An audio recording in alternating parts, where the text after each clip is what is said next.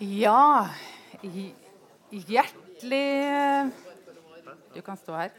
Vi må bare plassere Aslak først. Hjertelig velkommen til Litteraturhuset og årets andre eh, teatersamtale. Eh, vi har et rikt og mangfoldig og eh, livskraftig teatermiljø i Norge. Og i disse dager så får vi også prøvd hvor fritt det er. Eh, teatersamtalen er eh, en serie med arrangement eh, som løfter samtalen om teater ut i eh, det offentlige rom. Og vi gir ordet til mennesker som kan eh, belyse og utdype ulike sider av teaterets rolle og betydning.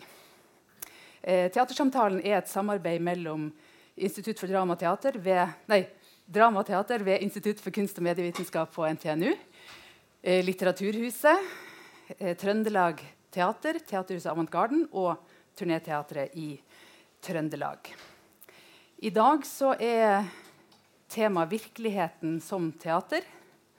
Vi skal eh, være fem stykker her oppe i løpet av kvelden. Det er Barbro Rønning, Amund Grimstad, Aslak Mo og Ole Kristian Gullvåg og meg. Eh, men aller først så skal vi få en eh, smakebit av nettopp det denne kvelden skal handle om. Nemlig ei, et utdrag fra ei forestilling som Aslak Moe skal gi, en, gi, oss en liten sånn kort situasjonsbeskrivelse av. Og si litt om. Vær så god. 18.6.2010. Da sitter jeg på en stol på hovedscenen på Trøndelag Teater. Midt under forestilling. Og plutselig så er det som om noen tar tak i begge skuldrene mine og slenger meg voldsomt fra side til side. Jeg får ikke pust. Jeg må klamre meg til stolen for ikke å deise i bakken. Jeg er helt sikker på at nå har jeg et hjerteinfarkt. På en eller annen måte så klarer jeg å fullføre forestillinga. Men etter det her så sleit jeg en lang periode med uh, svimmelhet, lite energi, bare følte meg elendig. Og jeg ble utreda for alt fra krystallsyke til øyesykdommer, før jeg etter åtte måneder endelig traff en lege som sa ja, men det er jo helt åpenbart at du har hatt et panikkangstanfall. Ole Kristian. Hæ? Panikkangst. Og det skjønte jeg ingenting av. Jeg, jeg hadde jo helt strålende. Jeg hadde flytta sammen med ei dame, det hadde ordna seg med jobb. Alt så lyst ut. Så hva i alle dager kunne ha gitt meg den angsten? Det var først seinere, da jeg kom til psykologen, som sa 'fortell meg litt om faren din', da. at det begynte å demre. Jula 1989 da er jeg seks år. Og mormor og morfar har kommet opp fra Trondheim for å feire jul sammen med oss på Herøy. Pappa er ikke hjemme, han skal feire i Brønnøysund med farmor og farfar. Og mamma har gitt meg og brorsan streng beskjed om å ikke gå inn på soverommet til mamma og pappa, fordi der inne står julegaven fra dem. Og jeg og brorsan går i dagene frem til jul og bare Hva er det som er innpå der? Det måtte jo være noe veldig stort og flott som hadde eget rom å stå på. Og på julaften så får vi all forventning innfridd. Fra mamma og pappa så får vi et gedigent Stiga bordfotballspill. Og Jeg husker ennå den overmannende gleden når vi pakker opp og tar i bruk det enorme spillet. Og så For bare noen få år siden så sitter jeg og mamma og tar et glass vin og snakker om gamle dager. Og Da kommer vi inn på den jula her. Og Mamma forteller meg da at et par dager før julaften så har hun og søstrene mine stressa seint en kveld med å få huset ferdig til jul. Og mamma hadde sagt til pappa at uh, det hadde gått fortere hvis du hadde hjulpet til. Og da hadde pappa reist seg fra stolen sin og sagt ja vel. Ja. Ja. Hvis det er sånn det skal være, så blir det ikke noe jul her i huset. Og så marsjerte han inn på soverommet og ble der hele jula gjennom. Han sto opp på natta for å spise og gå på do, og jeg og brorsan ante ikke det. Vi vi, vi, skjønte ikke at pappa hadde masse problemer. Som starta med, med, angst og depresjon, og som han tøyla med alkohol. Og deretter medikamenter. Humøret til pappa kunne gå veldig plutselig, fra strålende til helt kjølig. En gang på sommerferie i Trondheim så forteller mamma plutselig en morgen at pappa har reist hjem. Og For noen få år siden så får jeg høre at pappa da, sent på kvelden før denne morgenen ikke hadde klart å gi slipp på noe han hadde sagt til ham. Og til slutt bare gått ut i biler, satt seg og kjørt hjem til Nord-Norge alene. Så mamma måtte ta med seg eh, tre unger og alt pikkpakket de 50 milene nordover med tog, buss, ferje og taxi. Etter hvert så klarte pappa å slutte å drikke, men eh, det var for seint. De ble skilt, og pappa flytta til ei slags eh, campinghytte ved sjøen. Og på en måte så var det lettere å være sammen med pappa nå når han bodde for seg sjøl. Men en gang så ville pappa ta med seg meg og brorsan til Brønnøysund på helgetur for å besøke farmor og farfar. Og Thor var supergira, men jeg ville ikke. Og Mamma spør hvorfor jeg ikke vil, og jeg sier nei, jeg, jeg blir så kvalm fordi han pappa røyker i bilen. Så da lova pappa at han skulle ikke røyke i bilen. Og da har ikke jeg noe annet valg enn å si at jeg, jeg, jeg vil ikke. Og jeg grein og trygla til mamma om å få slippe å dra. Så mamma sier til pappa at Tor blir med, men ikke Ole. Og Pappa sa aldri noe til meg om det, men ifølge Tor så hadde han sagt noe sånt som at Ole heller ville henge i skjørtene til mora. Men det var ikke at jeg ville henge i skjørtene til mora mi. det var bare det at når jeg var sammen med hun, så slapp jeg å være så utrolig redd for at hun skulle dø hele tida. Dette starta en gang da jeg var seks år. Mamma skulle ut og reise med jobben. Hun, hun driver og stresser og kaver med pakking og styrer praktisk talt på vei ut døra. Jeg sitter på kjøkkenet og prøver desperat å få henne til å spille ludo med meg. Og Hun uh, kaster terningen når hun går forbi, men jeg må flytte for henne. Og jeg må kaste for henne òg. Hei, mamma! Du, du, du fikk seks igjen! Og jeg, jeg, jeg, jeg, jeg fikk bare to! Å, du er så flink i ludo, mamma! Jeg lar henne vinne så hun skal synes det er bedre å være med meg enn å reise. Men hver gang så går hun om bord i ferja, bommen går ned, ferja lukker seg og drar mamma med seg ut i mørket. Med årene så utvikla jeg en rekke teknikker for å holde mamma i live mens hun var ute og reiste. F.eks. å bruke ni steg i alle trapper. Gjøre alt jeg gjorde, to ganger for å opprettholde en slags kosmisk balanse jeg rydda og vaska huset frenetisk. Jeg gjorde alt som kunne få Gud til å ville meg vel. En gang så kjøpte jeg meg en rødbrus for å trøste meg sjøl mens mamma var ute og reiste. Og siden mamma overlevde den turen, så tenkte jeg at det her må jo ha med rødbrusen å gjøre. Så jeg begynte å kjøpe rødbrus hver gang mamma skulle ut og reise. Og jeg måtte få den til å vare helt til mamma var kommet hjem igjen. Ah, deilig. Da jeg var tolv år, så holdt mamma nesten på å dø. Hun hadde reist bort med jobben igjen. Og pappa, som hadde flytta ut, skulle komme og bo i huset med meg og brorsan. så vi ikke skulle være alene. Og Før pappa kommer hjem til oss, så driver jeg og støvsuger stua igjen. Og I min iver etter å vise Gud hvor snill og flink gutta er, så dulter jeg borti rødbrusen, så den velter ut på gulvet, og alt søles ut. Og jeg får helt panikk. Det er bare et par dråper igjen, og mamma er ikke tilbake før om flere dager. Jeg ligger på gulvet og hylgriner over at mamma er død, og at det er min skyld. Brorsan kommer inn. 'Skrik for alt, skrik for alt, skrik for alt!' alt, alt. 'Tor, du skjønner ikke hva som har skjedd!' Så jeg jobber enda hardere. Grin og hyle, tørker rødbrus, vasker gulvet så iherdig at det til slutt faktisk lykkes. Mot alle odds og holde mamma i live likevel.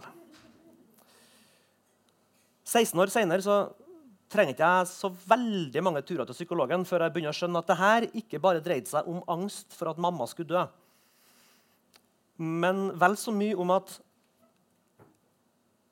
hvis mamma dør, hvem skal passe på meg da? Et eller annet sted inni meg så skjønte jeg at pappa var ikke i stand til det. Og denne angsten den spredde seg til andre områder. Jeg ble redd for å svømme. Redd for å være alene, redd for lyder i huset, redd for å ta fly. Bortsett fra én gang. Jeg har aldri vært roligere enn den gangen vi havna på samme fly som hele Rosenborg ballklubb. Ikke noe problem. Jeg, har aldri hatt så lave skuldre på en flytur verken før eller siden. Jeg følte meg helt trygg. Nils Arne Eggen. Bjørn Hansen, Odd Iversen, Mini, Jamfall, Hoftun Brattbakk I mai 1996, da jeg er 13 år, og søskenbarnet mitt skal konfirmeres i Trondheim, noen steinkast unna Lerkendal, akkurat samtidig som Rosenborg skal møte Moss. Mitt største problem nå er at jeg har en VHS hvor jeg alltid tar opp alle fotballekstraoppsummeringene om Rosenborg. Hvordan får jeg tatt opp det nå når jeg er i konfirmasjon? Så Før vi drar til Trondheim i konfirmasjon, så tar jeg med meg VHS-en og sykler bort på campinghytta til pappa og gir den til han. Og så må du ikke se på kassetten. Nei, for jeg har gjort den klar akkurat når opptaket skal starte. Nei vel, ja, den er god. Nei, så du må ikke gjøre sånn at det blir feil. Du må bare sette den i spilleren, og så må du være klar. Og når du sier Rosenborg, så trykker du på rekk. Rosenborg! Rekk! Jeg tror jeg forklarte det fem ganger. Underveis i konfirmasjonen så får jeg oppdateringer på kampen fra onkel Eilif. Han hadde en uh, liten radio på kjøkkenet som han sprang og sjekka så ofte han kunne. Og Den siste oppdateringa fra onkel Eilif var at kampen hadde endt 0-0. Vi hadde ikke klart å slå lille Moss. Og jeg har tenkt gjennom hele denne kjedelige konfirmasjonen at den store gulrota her er jo for å komme hjem til Herøy etterpå og se fotballekstrainnslaget med, med seiersintervjuer og jubelscener, og så svikter Rosenborg meg totalt. Senere på kvelden så skal jeg ringe til pappa. Og jeg har lagt en plan. Jeg skal ringe og høre om han fikk tatt opp det. Så skal pappa si ja da, alt i orden. Og så skal jeg si ja, du kan jo bare slette deg igjen. Drittkamp. Så jeg ringer. Hei, er det du som ringer? Fikk du tatt deg opp? Ja da, alt i orden. Jeg satt klar med fingeren på knappen helt fra sendinga starta. Og så fort de sa Rosenborg, så trykte jeg på rekk. Rosenborg, rekk. Så jeg fikk med meg hele innslaget. Så nå kan du glede deg til å komme hjem og se det.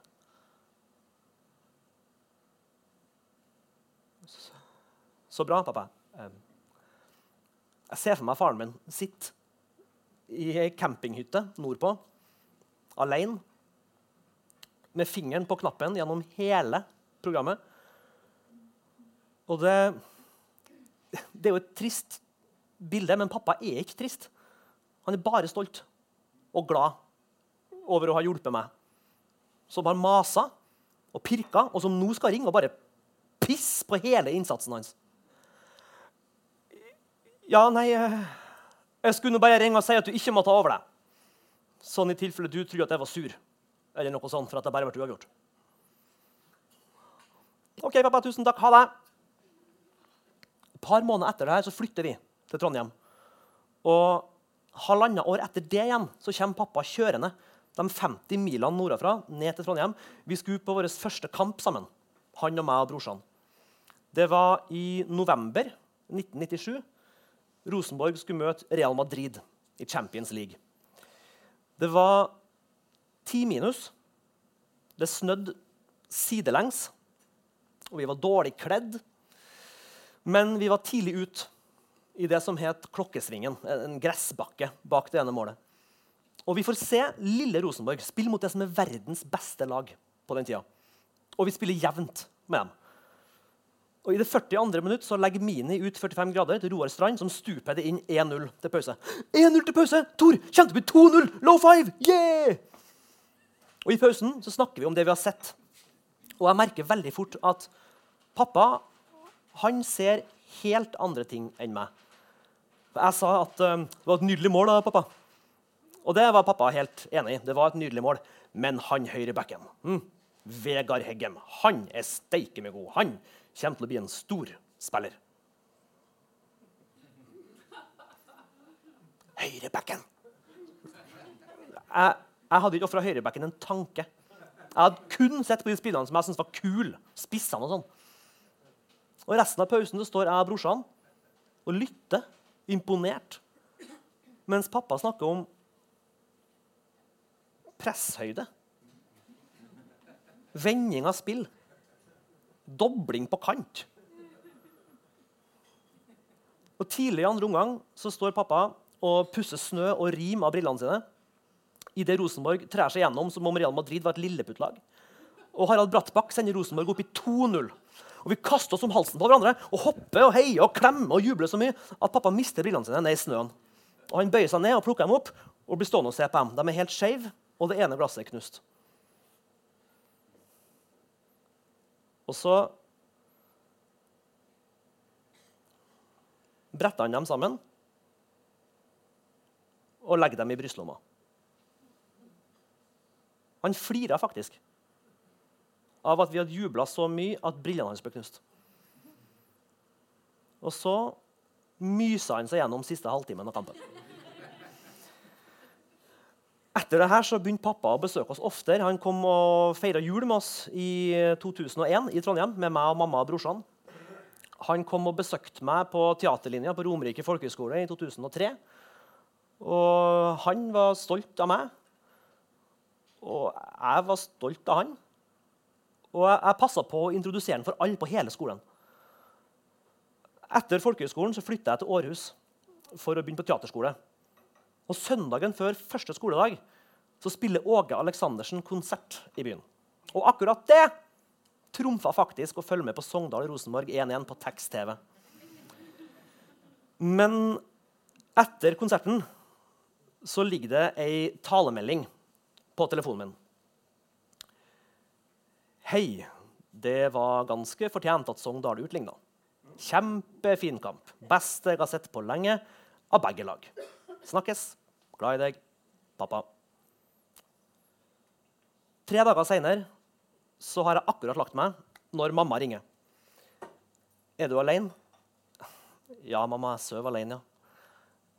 Kan du vekke dem du bor med? ja, hvorfor det? Ole Kristian, pappa er død.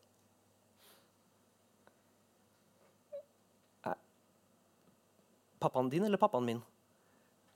Pappaen din. Han har bare sovna inn.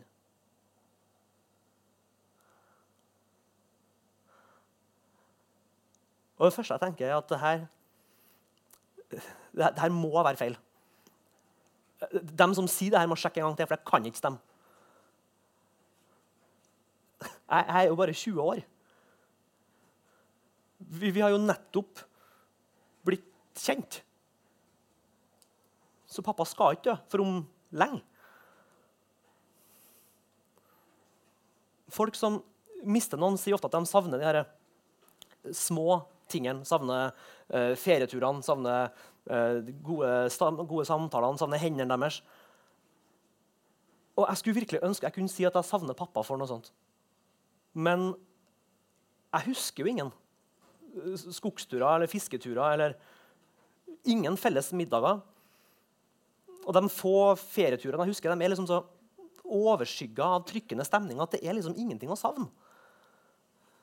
Det ville kanskje føltes mer ærefullt å si jeg savner den varme stemmen. Men det jeg savner, det er jo å snakke fotball med De mange korte samtalene før kampen starta, tekstmeldingene i pausen og den litt lengre praten etter kamp. Jeg kan huske resultat og de rareste ting fra kamper gjennom alle mulige år. Men høsten 2003 så har ikke jeg peiling på hva som skjedde, sjøl om jeg fulgte med. Vi vant gull, men jeg, jeg, jeg husker ikke hvordan. Takk.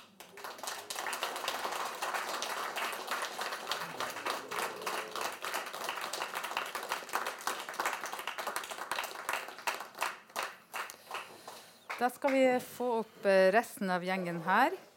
Um, her, du. Oi, skal du sitte her?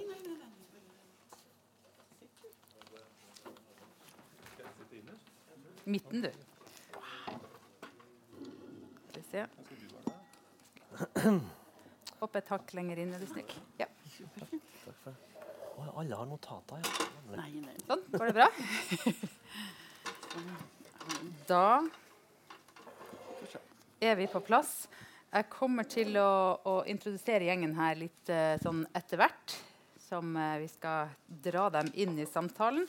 Uh, men aller først tusen takk til deg, Ole Kristian. Takk. du er skal si litt om deg nå. Du er altså utdanna ved det statlige russiske akademi for scenekunst som heter GITIS, og som ligger i Danmark. Mm. Du har vært å se i flere oppsetninger ved Trøndelag Teater og på turnéteater i Trøndelag de siste årene. De fleste som er her, kjenner sikkert uh, Ole Kristian fra scenen, vil jeg tro. Um, for tida så er du på turné, som Aslak nevnte, med denne monologen, som uh, i Riksteatret som med Riksteatret heter Helt hekta. Og I går kveld spilte du i Bodø, mm. på Stormen uh, kulturhus. Så vi fikk, heldigvis var det en sånn lita luke i turneen, så vi fikk klart å, å, å få deg med ned hit. Um, jeg pleier å glemme å introdusere meg sjøl. Nora Evensen. Jeg er teatersjef på Turnéteatret i, i Trøndelag. og var så heldig å få ei tekstmelding fra Ole Kristian på et eller annet tidspunkt Eh, med ideen til denne forestillinga, som jeg beit på. Og, derfra så, og da var allerede Aslak Mo kobla på, som sitter ved siden av meg her. Eh, Aslak Mo er fra Trondheim, fra Byåsen. Eh, du dro også utenlands og til Danmark for å utdanne deg ved, på regilinja ved Statens teaterskole i København. Og eh, du har blitt en slags sånn eh, hva skal jeg si, Du er på en måte Norges fremste regissør innenfor akkurat den sjangeren vi skal snakke om i dag. Du har laga hele åtte forestillinger basert på skuespillerens egne historie. Eh, egen, egne historie. Og du har også laga fire forestillinger basert på intervjuer. Mm. Som man på en måte kan kalle på en måte, som er over samme lesta som, som, de, som du har laga de åtte her. Um, det er sikkert flere som kjenner til disse forestillingene. Jeg tar, tar meg tida til å, å, si hva de heter. Uh, for det er også flere av dem som kommer til å være å se uh, i Trøndelag fremover. Det kan jo være nyttig å, å, å kjenne til. Uh, 5. og 6. april eh, så spilles 0 pluss 0 er lik 4 med Thomas By, som handler om eh, norske justismord. Eh, da spilles også fire begravelser og ett bryllup med Morten Joakim. Det er også på Trøndelag Teater og på Turnéteatret på Verdal. Eh, Senere i år så har du premiere på et stykke som heter 'Dømt til evig fortapelse', hvor Wenche Strømdal er den sentrale skuespilleren. Og eh, så er det Så alle de fire er aktuelle her i, i Trøndelag. Du har også et prosjekt på gang med Riksteatret som var hemmelig, hemmelig, da vi sendte ut det her. Jeg fikk ikke lov av Tom Remlov å si hva den het, så jeg, jeg, gjør som han sier. Jeg, jeg holder det hemmelig. Men uh, det, kan, det, kan, du si. Ja. Uh, og så har du laga en del um, Jo, så er det et som heter 'So You Want To Be A Hero' et som heter 'Elefanten'. Det beste av det verste. Nesten ikke helt som før, som var en konsertfortelling med Susanne Lundeng. Og så lager du fire forestillinger basert på intervjuer. Eh, de heter 'En del forestillinger om rovdyr', 'Malmøiter', 'Sammen skal vi leve' og 'Du aner ikke'. Som høres ut som den er laga på Vestlandet. Ja. ja. Eh, jeg tenkte jeg skulle starte litt med deg, Aslak eh, som har holdt på så mye med den eh, sjangeren her. Eh, hvorfor har du fått en spesiell interesse for denne teatersjangeren? Ja, godt spørsmål. Eh, nei, altså jeg er nok bare eh, rett og slett interessert i virkeligheten, da. Eh, veldig Jeg har alltid interessert meg for dokumentarfilmer og faktabøker og nysgjerrig type. Kanskje ikke Jeg prøvde veldig hardt når jeg begynte på teaterskolen, så prøvde jeg veldig hardt å være interessert i tysk ekspresjonisme og sånn. Reist mye til Berlin. Og... Men det, det satte seg ikke fast, ellers så var jeg ikke god nok til det. En, en og to. Så, så havna jeg på jeg havna på et kurs om hvordan man lager teater med å utvikle karakterer ut fra mennesker som skuespillerne kjenner eller har kjent, også kalt som Mike Lee-metoden. og da, Det var da det begynte å rulle, tror jeg. Plutselig så var det, det var som en sånn snarvei. på en måte. Hva er Mike Lee? Nei, det er jo at man lager karakterer. For eksempel, hvis du skal være skuespiller da, i et stykke, så, så intervjuer jeg deg om 20 forskjellige mennesker som du kjenner eller har kjent. Og så velger vi en av dem, og så begynner vi å improvisere veldig realistisk med dem. da. Og gjerne sammen med andre. Eksempel, de her lager hver sin karakter, og sånn, og så bygger man det fram. Ja. Det er liksom å tegne etter modell. Eh, at man tar utgangspunkt i, i virkeligheten. da. Men er det sånn jeg tenker på hvor, hvor, um, hvor initiativet kommer fra. Er det sånn at du har eh, liksom spurt de her menneskene om å få lage teater om deres historie, eller har de kommet til deg og bedt deg om å lage Du tenker på dem som du nevnte? Dem som er nevnt? Ja, ja. dem du Vi har kan jo ta eksempelet her, da. Ja. Ja. Det var jo når vi jobba med et annet Hallo, Ole? Hei! Hei, du. Vi jobba med et annet stykke, og så kjørte vi rundt i Førde i en bil eh, og, litt ute på, bygda der, og så snakka han om Rosenborg hele tida. Vi prøvde å legge inn andre ting, men det liksom Det, land, landa der, liksom. Og eh, jeg syns det var underholdende. Jeg, jeg hatt, på den tida hadde jeg sånn hvilende eh, fandom. Altså, jeg hadde vært liksom Men eh, liksom, ja. Så det, han vekka det til live i meg, da, kan si. Også, han snakka så mye om det at jeg skjønte at det måtte ligge noe Eller ana da, at det måtte ligge noe annet bak. Så, så, så tror jeg bare slengte ut litt sånn kjekk altså, ja, Her har du en monolog, sa jeg. Eh, Den kan vi kalle for rotsekk, for jeg visste han var Åge-fan, så jeg tenkte det var med å selge ideen. Du måtte selge ideen til han? Ja, ikke sant? Ja, ja. Så sa han nei, det er jo ingen som gidder å høre om det. Bla, bla. Så, så, så, ja, altså, for å gjøre en lang historie kort, så, så, så drev vi og spinte vi jo videre på den ideen. Og sånn. Men jeg tror først når han sa det at uh, egentlig så kunne jeg og faren min bare snakke om fotball, det var da vi var nærmest hverandre, da tror jeg jeg skjønte at det faktisk kunne være noe i det. da. Ja. Og da begynte dere å utvikle denne ideen. Eh, jeg fikk noen sånne eh, noen, uten noen skisser, noen litt sånn lange, sammenhengende tekster eh, først på bordet. Og så jobba dere i en ganske sånn langvarig prosess minnes jeg, for å få det til. Og dere hadde veldig mange dere var veldig tidlig ute med å vise ting til publikum. Det synes jeg også var interessant, fordi at ofte når man holder på med i en sånn teaterproduksjon, så, så må man på en måte være litt forsiktig med å slippe publikum for tidlig inn, for at det er litt sårbart. og Det er ofte litt sånn, mm, det er dumt hvis de tror det skal bli så dårlig som det ser ut som på et tidlig stadium. Mens dere på en måte eh, inviterte publikum ganske eh, villig inn veldig tidlig. Jeg husker Ja. dere også ba om å få en sånn eh, visning eh, eh, på teatret på et veldig tidlig stadium, som du kalte for sånn buksa nede-visning. Ja. Ingenting å skjule. bare Da, da var dere eh, på et veldig sånn skjørt stadium, Ja, ja. Ja. Og eh, hva, hva gir det dere? Nei, det, altså, dette sånn. må tilskrives det Thomas By, som du nevnte der, som spiller det 0 pluss 0. Fordi det var måte, den første monologen jeg laga i denne sjangeren da, kan du si, for seks år siden. og det han er en veldig eh, spesiell type, veldig egen og sær. Og han nekta å ha prøver med meg alene. Okay. For da var han redd for at vi bare skulle drive og lage teater. Ja. Og da, han ville ikke bli regissert i sitt eget liv, på en måte. Ja. ja. Så vi hadde bare prøver sammen med andre. Hvor han, hvor han på en måte bare eh, stunta en fortelling.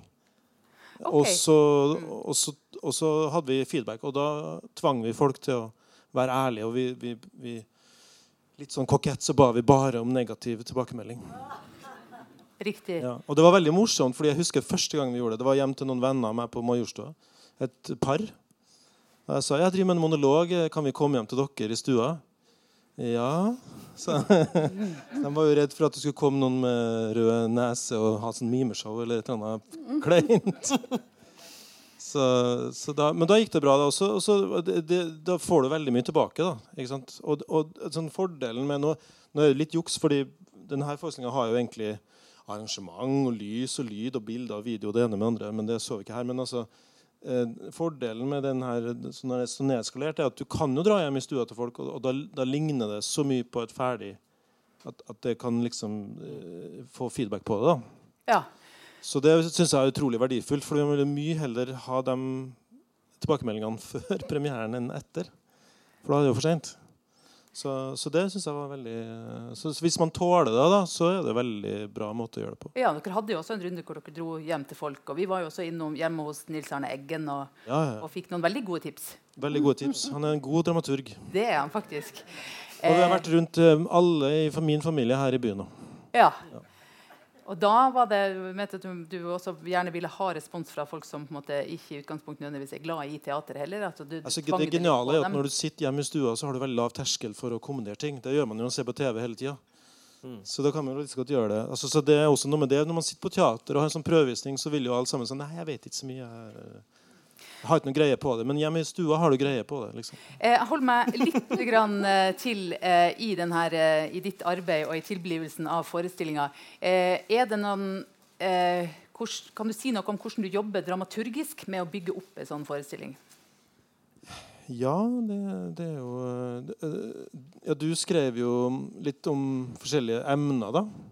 Som jeg hadde plukka opp. Ja. Kan ikke du si noe om det? Jo, øh, oi. Jo, altså det er jo som hva slags si en eh, Han måtte jo selge inn det til meg fordi jeg følte at det her er, veldig nerd og veldig smalt og veldig kjedelig.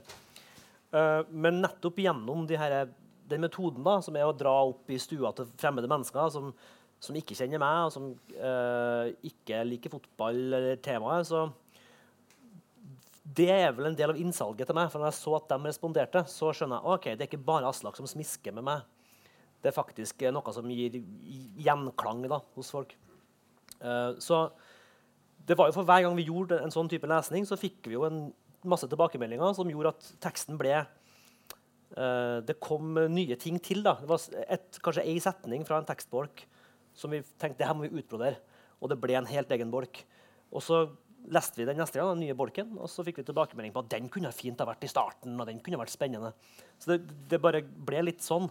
Men de tekstene som vi begynte med, som vi sendte til deg, Nora, de var jo eh, da, jeg husker jeg, altså, jeg hadde hørt om metoden til Aslak, og jeg syntes den var så skummel at jeg tenkte at ja, vi kommer nok ikke til å gjøre det sånn. Jeg skal nok få ratta deg inn på min måte å gjøre det på. Det tror jeg. Jeg skal bare la det gå litt tid. For jeg, jeg, jeg kunne ikke se for meg å stå i en fremmed stue og lese tekster som ikke var ferdig. Um, men plutselig så sto vi nå i stua og spiste vaffel og kake og lest. Men, um, men da var det sånn Aslak måtte sånn tvinge meg til å begynne å skrive om spesifikke temaer. da. Uh, skrive om hva du syns om Molde, skrive om hva du gjør på kampdag. og sånne ting som det. Og så var det egentlig Det jo Aslak som er dramaturgen, så, um, eller som har dramaturgisk bakgrunn. Uh, så eh, jeg bare merka veldig at de tilbakemeldingene uh, som uh, folk kommer og sier at oh, det der traff meg. Altså Folk som ikke har sett en kamp i sitt liv, men som bare sier «Åh, Gud, jeg har også en far. Han var også sånn. Jeg vil høre mer om det. Og da blir det liksom, da, da gradvis så siles de her analytiske tingene gradvis bare bort av seg sjøl. Eh, noen ting må jo nappe ut med vilje, men, men eh, det bare steg frem litt. Men rekkefølgemessig og sånne ting, det dramaturgiske oppbygginga, det, det husker ikke jeg. Det bare skjedde, det, for min del. Kanskje du vet bedre hvordan det Nei, men det, det blir jo at man får mengdetrening, og så merker du på kroppen at nei, nå, den starten har føltes rar. Nå Ja. fem stuer på rad. Ja. Vi må finne på noe.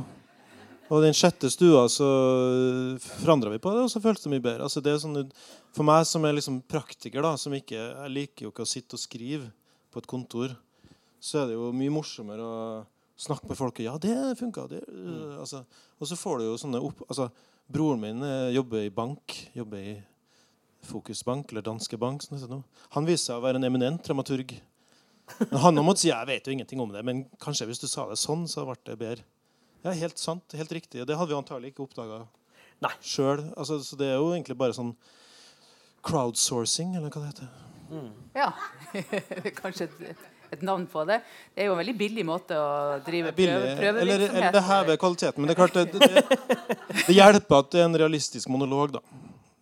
Det hjelper at den er realistisk. Ja, for da kan folk liksom da, da er det ikke noe stil involvert som vi Nei, det her er ikke vår Vi føler at det er vår stil, det du sier der, eller Skjønner? Ok, ja, eh, men jeg blir litt interessert i, i hvorfor det er sånn. på en måte. Er det det at, at det handler om nettopp det at det er tatt fra virkeligheten? Som gjør, altså, det, hvis- gjør, det det lett, gjør det lettere for folk å respondere Ja, når det, kommer altså, fra hvis jeg var? Jon Fosse, liksom, så, Ja. så, så sa folk ja, det blir litt mye gjentagelser der, føler jeg. Så hadde jeg bare sagt sånn er det.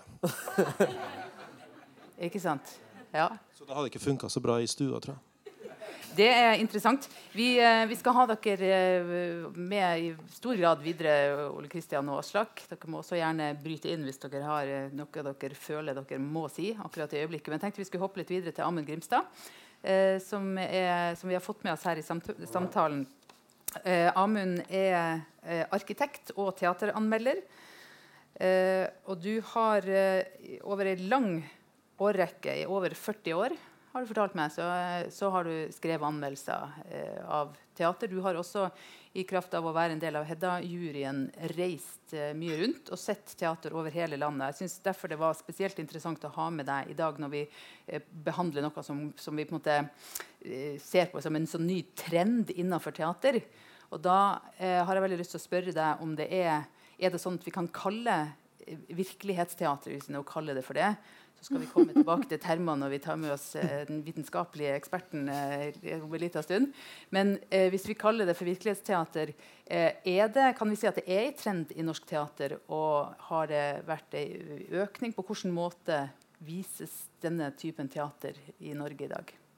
Ja, som, du, som, du, nevnte, så, så, har jeg, så, så, har jeg, sett en del. Da. Spesielt etter at jeg satt i Hedda-juryen. Da ble jeg landsomfattende. Så De siste fem-seks årene så har jeg sett en 60-70 forestillinger. Altså det, er 150 produksjoner i teaterproduksjoner i Norge hvert år. Jeg har sett nærmere halvparten av dem hvert år og anmeldt en 40-50 av dem igjen. Så sett en 60-70 og anmeldt 40-50. Stort sett over hele landet, med ikke så veldig mye Oslo. Jeg ser mye Oslo, men jeg anmelder ikke der, for der er det folk som gjør det. Og, har, eh, og så har jeg en blogg, så jeg har gått tilbake da, de siste fire årene. og studert min egen blogg. for å, for å se, og Det er bare de forestillingene jeg har anmeldt, som dreier seg om. Det er mange forestillinger jeg vet av som er virkelighetsteater, men som ikke har anmeldt, og som jeg også har sett. Men De siste fire årene så har jeg anmeldt 219 forestillinger. Eh, og når jeg telte opp, så var det altså 30 av dem som er det man kan kalle virkelighetsteater på et eller annet nivå. Eh, og eh, av det så var det da sånn 16 som var personlige fortellinger tre som var avskjedsforestillinger. Det har blitt en ny trend. Før så var det sånn at man fikk en hovedrolle i et stykke som passet en, og så fikk man spille det til avslutning. Men nå har man en, sin egen sånn Jan Erik Berntsen-show og den, den, type. Tre sånne, og så elleve dokuteater, altså dokumentariske teater. Det interessante er da at øh, de siste fire årene så har det vært 15% av det jeg har sett, da, av de 219, som har vært øh, virkelighetsteater. Men i 2018 så var det 24% Så det ser ut som det er en stigning. Så tenkte jeg prøve å, å, lage, å, å ha, ha sånn, et kontrollår. Så jeg googla meg bakover til eh, år 2000, som er det siste, det året som, hvor, som er det første året hvor, hvor mange teatre har, har, lagt ut årsmeldingene sine. Før det så, så finner jeg dem ikke på nett.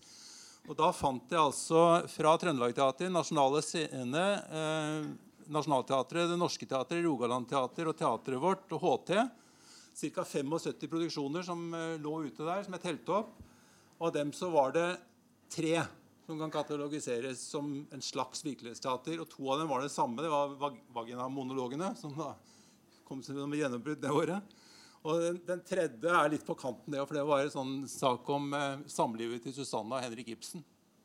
Altså, tre ja. stykker av 75 i 2000 og i dag, så, eller siste året så er det altså eh, så mange som 12 av 51. Ja. Da kan man absolutt si at det har vært ja, altså jeg, jeg, ble litt overraska. Og jeg tenkte at det er rart jeg ikke har, har stussa på dette her. Men, eh, for at jeg stusser på det i litteraturen.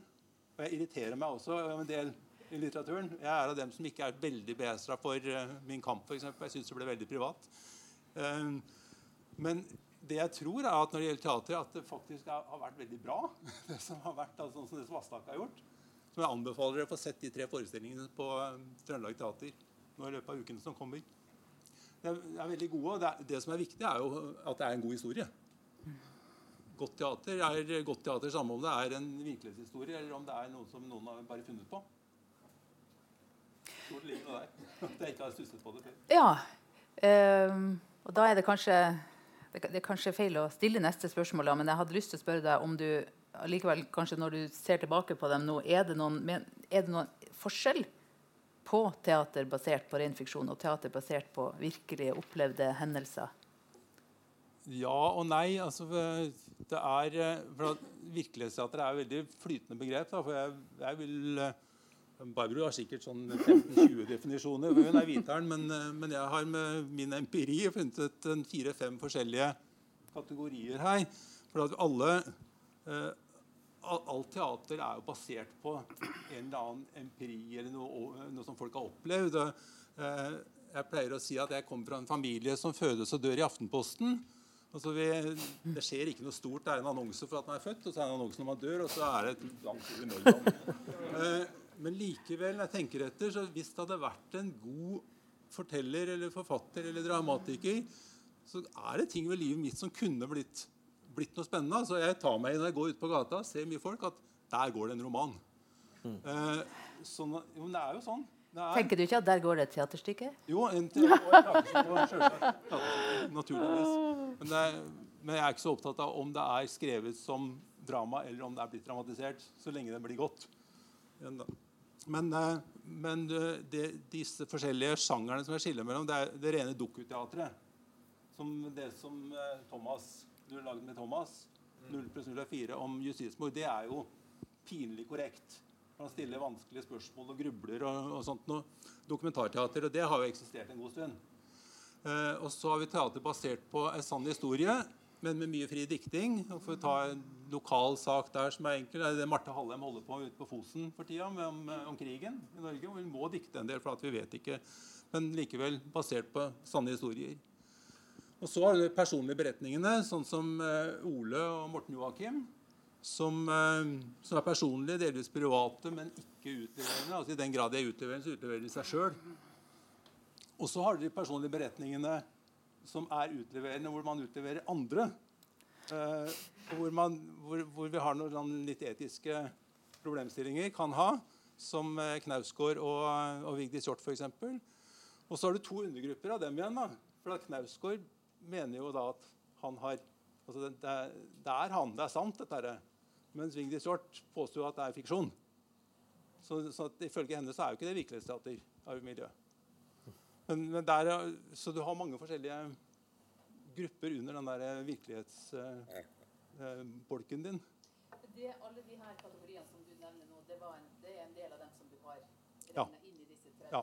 eh, forestillingene som, som, du fant. Ja. Ja. ja. men det er fint. Da har du allerede gjort en ganske sånn god inndeling der. Da tenker jeg at det er fint å gå videre til eh, Barbro, som sitter ved siden av deg, som er vårt eh, akademiske alibi eh, her i, i kveld. Uh, som jeg vet også har erfaring med virkelighetsteater. Barbro er fra Trondheim og jobber som dosent i dramaturgi ved NTNU. Og hun har forska på tema som folketeater, politisk teater og virkelighetsteater. Og også skapt forestillinger basert på personlig minnemateriale, som Høyblokka post mortem på St. Olavs og Jeg tror i skyggen av tvil for, for, for Norsk fortellerfestival. Så du har forholdt deg til dette her både ja. gjennom praksis ja. og i igjen, i forskning og, ja. og akademisk, teoretisk eh, Historisk, kanskje. virksomhet. Hva vil du si om de, eh, eh den, den kategoriseringa som Amund gjør?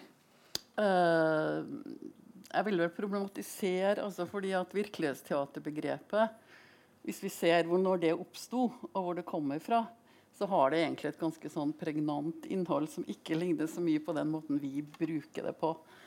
Altså fra du kan si, Etter to tiår med relativt lite politisk og samfunnsengasjert teater, så fikk vi jo en tendens med et sterkt dokumentarteater som vokste fram. Og en underkategori under dette dokumentarteatret er jo virkelighetsteater, som egentlig er et begrep som kom på banen kan du si, med et ensemble som heter Rimini Protokoll. Som har gjesta Trondheim, og som er tysk i utgangspunktet, og som brukte noe som de kalte for livseksperter hvor veldig mye av tenkninga var at bruk helt vanlige folk på scenen for å få en annen type kvalitet, for å få en estetikk og få en overraskelse. Så har det grodd fram noe som heter Borgerscena i Dresden, i Aalborg. En typisk som coina virkelighetsteaterforestilling på Aalborg teater er f.eks. fem Afghanistan kjempere som kommer hjem, som lever noen isolerte, anonyme liv full av posttraumatisk stress, som ikke finner seg til rette i livene sine, som ikke har noe språk, som får en krigsmedalje i postkassen. Og så går man også løs og henter inn disse fem menneskene på scenen og lager en forestilling hvor de forteller sine egne liv. Og hvor veldig mye av regimetodikken også handler om å ikke innstudere det i detalj, men beholde noen sånne åpne, improvisatoriske muligheter knytta til en oppfatning av at autentisitet er noe som er overraskende, som ikke er planlagt, og som bare kan skje så har på en måte virkelighetsteaterbegrepet i den tapninga vi nå snakker om Du har også mange andre danske ensembler som har jobba med det. Fix og Foxy, Teater Grob, eh, Christian Lollicke, gjort store produksjoner på Kongelig Teater i København. Men så kommer det til Norge som en sånn i den forstand begrep med Folkets festspill i Bergen og Vibeke Flesland Havre, som har laga en forestilling som heter 'Lykkeland' på Nasjonale Scene. Nå holder jeg på å lage en forestilling som heter 'Nav betaler'. Og da er det altså de som Nav betaler, som da utgjør skuespillerne i på en måte det ensemblet. Så det jeg vil si på en måte i forhold til det Amund sier, og det vi har sett her, er jo liksom at du står jo der og investerer noe mer enn du gjør når du bare er skuespiller. Du investerer jo også din personlige historie. Mm. Og det er jo liksom det som skjer i den typen virkelighetsteater kan du si, som vi snakker om her. da. Det er liksom et premiss at den personlige historien blir investert. Det stiller selvfølgelig noen etiske spørsmål. Det stiller noen utfordringer i forhold til hvorfor elsker vi dette? Altså, Hva er det som gjør at vi blir så glad i sånne forestillinger? Og det er jo noe med at vi vet jo ikke helt hva som er en teatrale iscenesettelsen her. Hva er gjort av dramaturgisk prosessering? Det ligger jo et altså Virkelighetsteater er for så vidt ikke noe mer virkelig enn annet teater. Fordi det også er realitetsfragmenter som er gjennomgått en form for iscenesettelse. Men vi vet ikke hva som er real, og hva som er prosessert. Og vi på en måte den kan du si, kontrakten som skapes rundt dette med at vi sitter og opplever det og kommer i en affekt omkring det, der sies det veldig mye om at den type teater, enten det handler om afghanere eller ditt Rosenborg, så skaper det en form for sånn fellesskap. Det gjør om teatret til et sosialt rom. Vi får en felles identitet knytta til den fortellinga vi hører osv. Så, videre, og så, så det er liksom sånn i korthet virkelighetsteaterbegrepet. Men jeg tenker at det er jo, hvis vi ser på det her med og dem er jo få at Teaterpropellen her i Trondheim har jo hatt et dokumentarprosjekt som har gått over to år. hvor tre år. Ja. Hvor to av Aslak sine forestillinger har vært spilt tidligere, hvor det har vært seminarer og debatter. Og det vi ser i dag er jo at du kan si Det store begrepet for meg her er dokumentarteater. Men så dukker kan du si, dette her personlige biografiske materialet opp, og så kan vi kalle det etnoteater, eller vi kan kalle det minneteater, eller vi kan kalle det stedspesifikt teater. Men de er allikevel på en måte en sånn av og til så tar teaterutviklinga et spor, det oppstår noe nytt, og så, og så fins det kanskje et behov for rett og slett å undersøke hva slags begreper man kan bruke på det. Så jeg vil si at det her, og det Amund snakker om, det er ikke det klassiske virkelighetsteatret sånn som det har oppstått og blitt på en måte definert, men det er en slags variant. Fordi her er det jo en profesjonell skuespiller som er på, på, på banen. Det er ikke vanlige hverdagseksperter eller vanlige folk. Og det er en litt annen innramming enn det som man vanligvis finner ja. innenfor sjangeren, da, kan du si, hvis man skal kalle det en sjanger. Og så er Det vel også, uh, altså det er jo et poeng her at det er nettopp den, altså at det er Ole Kristian sjøl som forteller ja. sin egen historie. altså at den, mm. den, som historien kommer fra, og den som forteller den, er en og den samme. Ja. Det også er et, uh, en, en, faktor her. Eh, men hvis vi ser på at det har på en måte blomstra i så stor grad som Amund sin undersøkelse mm. viser, Eh, da er det jo fristende å spørre er vi, for eksempel, er vi, eh, er vi lei av fiksjon. Altså, øh, man må få komme en litt usaklig snakka med sønnen min i dag. Han er en 36 år gammel mann. Og han sa vet du, mamma, vi manner vi liker dokumentar og krim. Vi liker ikke fiksjon. Det er derfor det dette virkelighetsteatret har tatt av. Der har vi det. Det synes jeg var, Vi vil ha facts! Og det syns jeg var litt sånn morsom uh, Litt sånn morsom definisjon. Ja, altså jeg tenker at vi er jo, vi er jo vi blir jo stappa fulle av fiksjon hele tida. Det er jo veldig mye rundt oss som vi kan forsvinne inn i av fiksjon. Eh, samtidig så ser vi Og det, den, der har på en måte litteraturen ligget foran oss. Det har i ganske lang tid vært veldig populært å, å både å skrive og lese biografier og sjølbiografier. Mm. Og også debatten om disse bøkene har jo også vært ganske sterkt tilstedeværende. Eh, er, det, er, det, sånn at, vi, at det er noe som har eh, skjedd i litteraturen, og så kommer teatret etter? Er, vi liksom, er det en Følger vi etter litteraturen der? Hva tror du, Amund? Jeg, jeg, tror det, men, eh, men, jeg har ikke noe belegg for egentlig, men jeg har inntrykk av det. Også fordi at uh, litteraturen, Spesielt fordi at litteraturen har gått mye lenger. altså. Testa de etiske grensene i mye større grad når det gjelder disse personlige beretningene hvor man henger ut andre. Uh, mens teatret har vært mye mer forsiktig. og sånn som Altså jeg nevnte Knausgård og, og, Min kamp. Den ble dramatisert av Riksteatret.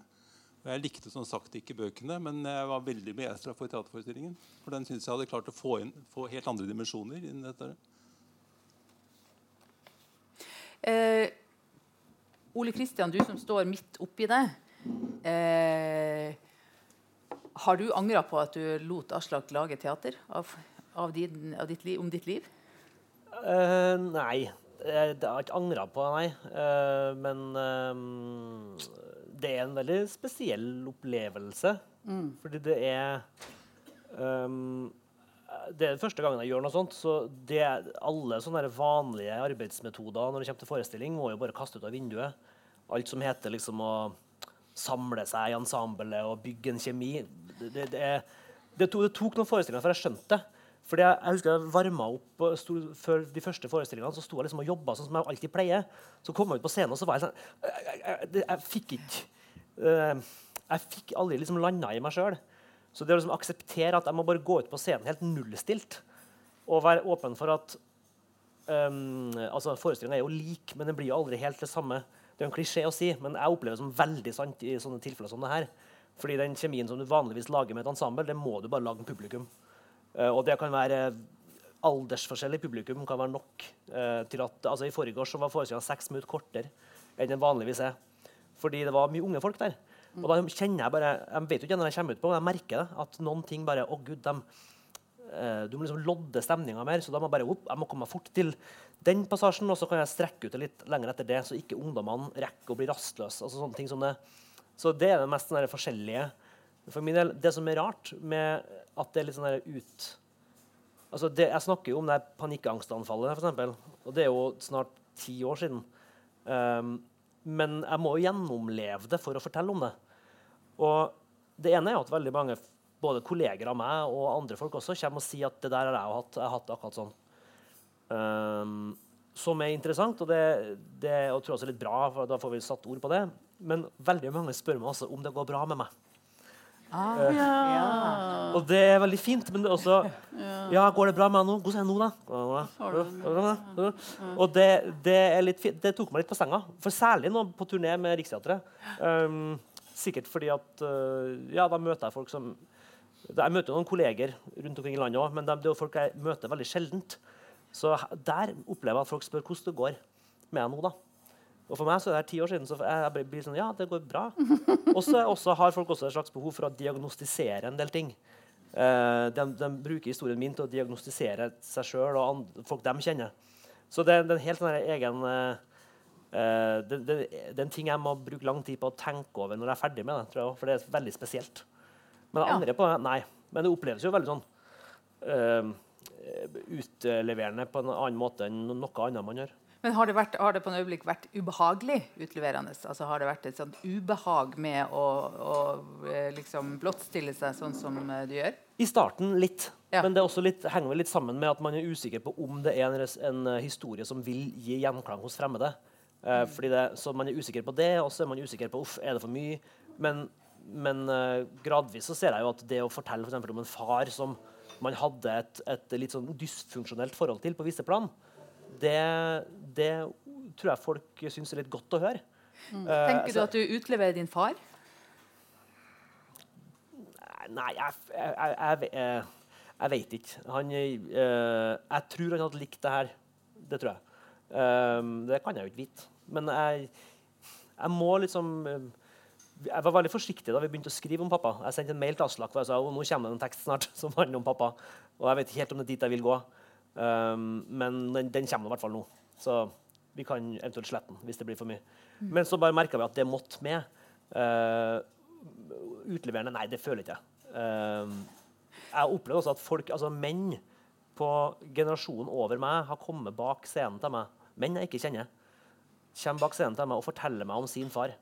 Med tårer i øynene. Uh, så den, sånn type effekt har jeg aldri Jeg tror det bare er noe vi, vi, trenger å snakke om det. Vi trenger å høre om at det her er veldig menneskelig. Uh, så det er på en måte verdt det i den grad at det er ubehagelig å stå her. Mm. For det er det jo litt. Og, og sånn som jeg forstår det nå, så, er det, så skjer det når du spiller denne historien om deg sjøl Ja. på en helt annen måte enn det ville gjort om du hadde vært på scenen og spilt Ja. et annet menneske, eller i en funksjon, uansett hvor god den historien hadde vært. Ja. Eh, at det er en forskjell der. Altså, det, altså Reaksjonen på forestillinga er annerledes fordi du er i din egen historie. ja, de er mer personlige. Fordi Ja, historien er du mer får mer personlige tilbakemeldinger. Veldig. Ja. Ja. Det- Eh, mm, jeg har lyst til å spørre deg, Aslak, Hvor mye tenker du på det når du jobber med andre sitt stoff? Det er jo en eh, fortrolig prosess, og du er jo den som Den er jo basert på tillit eh, Mm. fra skuespilleren til deg. Og du er den som skal bestemme hvor langt som kanskje må se, eh, både pushe for å komme inn til smertepunktene Mm. og så stoppe der du tenker man skal stoppe. Har du, hva tenker du om den delen av prosessen? Nei øh, eh, Det var mange spørsmål på en gang. Synes jeg. Hva tenker du om eh, det å Altså, Er du redd for å blottstille Ja. over, eller misbruke tilliten? til Nei, nei altså jeg, jeg, jeg, jeg, sier jo ingenting offentlig. Det er jo dem som gjør det. Men det er jo du Så som de får dem til på å måte, si det. jo, da, jo, men de sier jo ikke noe de ikke vil si. Det er jo som hypnose. Men pusher du aldri? Måtte, du ikke pushe Ole Kristian? Jo da, jo da, men det er tida på en måte som gjør det. Jeg pusher litt, eh, og så, hjelper det jo å snakke med publikum, eller vise det for folk. For da blir det på en måte ikke bare jeg som har betalt for å digge Ole. Men da blir det andre som ikke har betalt for det. Og da blir det sikkert sant og autentisk og virkelighet. Så, så, så det er en sånn prosess over tid. Men det, men det, men det er mange som altså, Nå var det jo ikke tilfeldig at vi viste dere akkurat det vi gjorde i, nå, for det inneholdt jo de to på en måte skumle tingene. Det ene var panikkangstanfallet. Det var vi jo helt sikre på ikke skulle være med. Ja. Helt til jeg liksom fant Det var jo ganske kort før premieren. Tre uker, fire Ja, det føltes seint i hvert fall. Ja. At jeg fant liksom Oi, den her brikken passer i himmelen der oppe i hjørnet på puslespillet. Det visste jeg ikke. Altså, vi fant ut, Og det har jo med at eh, han forteller det helt nøkternt, og det skjedde, og det var en del av historien. Og Det andre var jo at eh, det var mest du kanskje egentlig som var redd for at det skulle bli sånn derre Å, det er så synd på meg, pappaen min var så fæl. Historie. Eh, Det er jo en klisjé som vi ville unngå. Mm. Men det, det kommer egentlig, i bunn og grunn så kommer det ned til hvor nøye du jobber med det. hvor- Hvor grundig Jeg tror det, det liksom, eh, Om ting blir for privat eller kleint, det har ofte med hvor gjennomtenkt og gjennomarbeida det er å gjøre. Mm. Så hvis man har gjort seg flid, som jeg opplever vi har gjort, eh, så, så, så tror jeg det, det, det er en måte å respektere publikum på. da. Mm. At man ikke bare stiller seg opp og sier øh, liksom Men er ralle av gårde. Men jeg, jeg, jeg, jeg kan si én ting Ja. som har med etikk å gjøre. Det. Jeg har et par tilfeller av folk som har kontakta meg om å lage jeg har den historien her, forestilling. Kan du lage om den? Og ofte handler det om barndom og foreldre. Og i et par tilfeller så har vi sagt OK, det her kan vi gjøre om 10-20-30-40 år. Vi kan ikke gjøre det nå. Og hva er Det er fordi foreldrene er i live. OK, Mm. riktig. Em, Så det er jo, det er jo da støter du på en måte på en ja, Det er jo Da- da- folk da som har blitt du- misskjøtta av sine foreldre. Da. ja, at Men- man kan ikke Da ville det ha vært en Da ville det vært etisk uforsvarlig Ja, Ellers så ville det ha måte, skapt en så stor splid, altså blitt for mye ærlighet til at det, relasjonen de hadde med sine foreldre, som de tross alt ville verne om, Så du vil si den ville gå i stykker. da. du stopper før Knausgård gjør det, før Vigdis Hjorth gjør det? Du, Nei, men altså Knausgård sin far var jo også død. Men det er mange andre Og så tror jeg ikke han vil, var, var så opptatt av å være venner med han heller. Men det er klart, det, han hadde, det hadde jo omkostninger for han òg. Mm. Men er det viktig for deg Aslak, at de, de historiene, at innholdet i de forestillingene som du har laga, er sant? Eller er det sånn at det er greit å dikte til litt hvis du trenger en puslespillbrikke akkurat nede i venstre? Nei, det er viktig at det er sant, ja. Det er det. Men, Ja. men uh, man må jo smi det til for at det liksom skal gå gjennom kverna, på en måte. Men, men vi lyver jo bare om ting som er Som kunne ha skjedd. Ok, litt, lover å være litt usant. Det blir en definisjonsspørsmål. men Det, det, er, jo, det er jo spørsmål om, om, om innholdet er misvisende, eller Skjønner du? Ja, jeg tror jeg skjønner. Ja. Ja, det er jo på en måte, hva, hva er det som vinner? Liksom? Er, det, er det dramaturgien, eller er det sannheten? For å lage, det skal jo bli godt teater. Hva er det som Skal vi, skal vi ta et eksempel, Ole? Ja, det kan vi jo godt gjøre. Skal- Skal jeg gjøre det, Ja, eller? Ja. Eh, I denne monologen så er det en historie om når Ole treffer eh, kapteinen på Molde fotballklubb i en heis. På Ja. solsiden Daniel Berg Hestad? Daniel Berg Hestad. Selveste. Selveste. Dette er, dette, er, dette er ikke en sann historie. Men eh, det funka veldig bra når vi prøvde den. Er det ikke sant? Nei, altså det, det, jeg, det, Har vi jeg skrev- sparken? Jeg skrev en tekst som om det, for jeg ville, jeg ville nyansere at jeg hater Molde. Jeg ville sette ord på hvorfor jeg mener at jeg kan, jeg kan stå inne for det. For jeg mener at det er litt sånn lekeslåssing. Eh, og da skrev jeg en tekst om at hvis jeg hadde møtt en Molde-spiller en gang i en heis, for eksempel for broren min, har, broren min har møtt Berg Hestad og tatt selfie. og Han også hater jo Molde og hater Berg Hestad. Men ber seg hei, hei, vil du ta bilde med meg?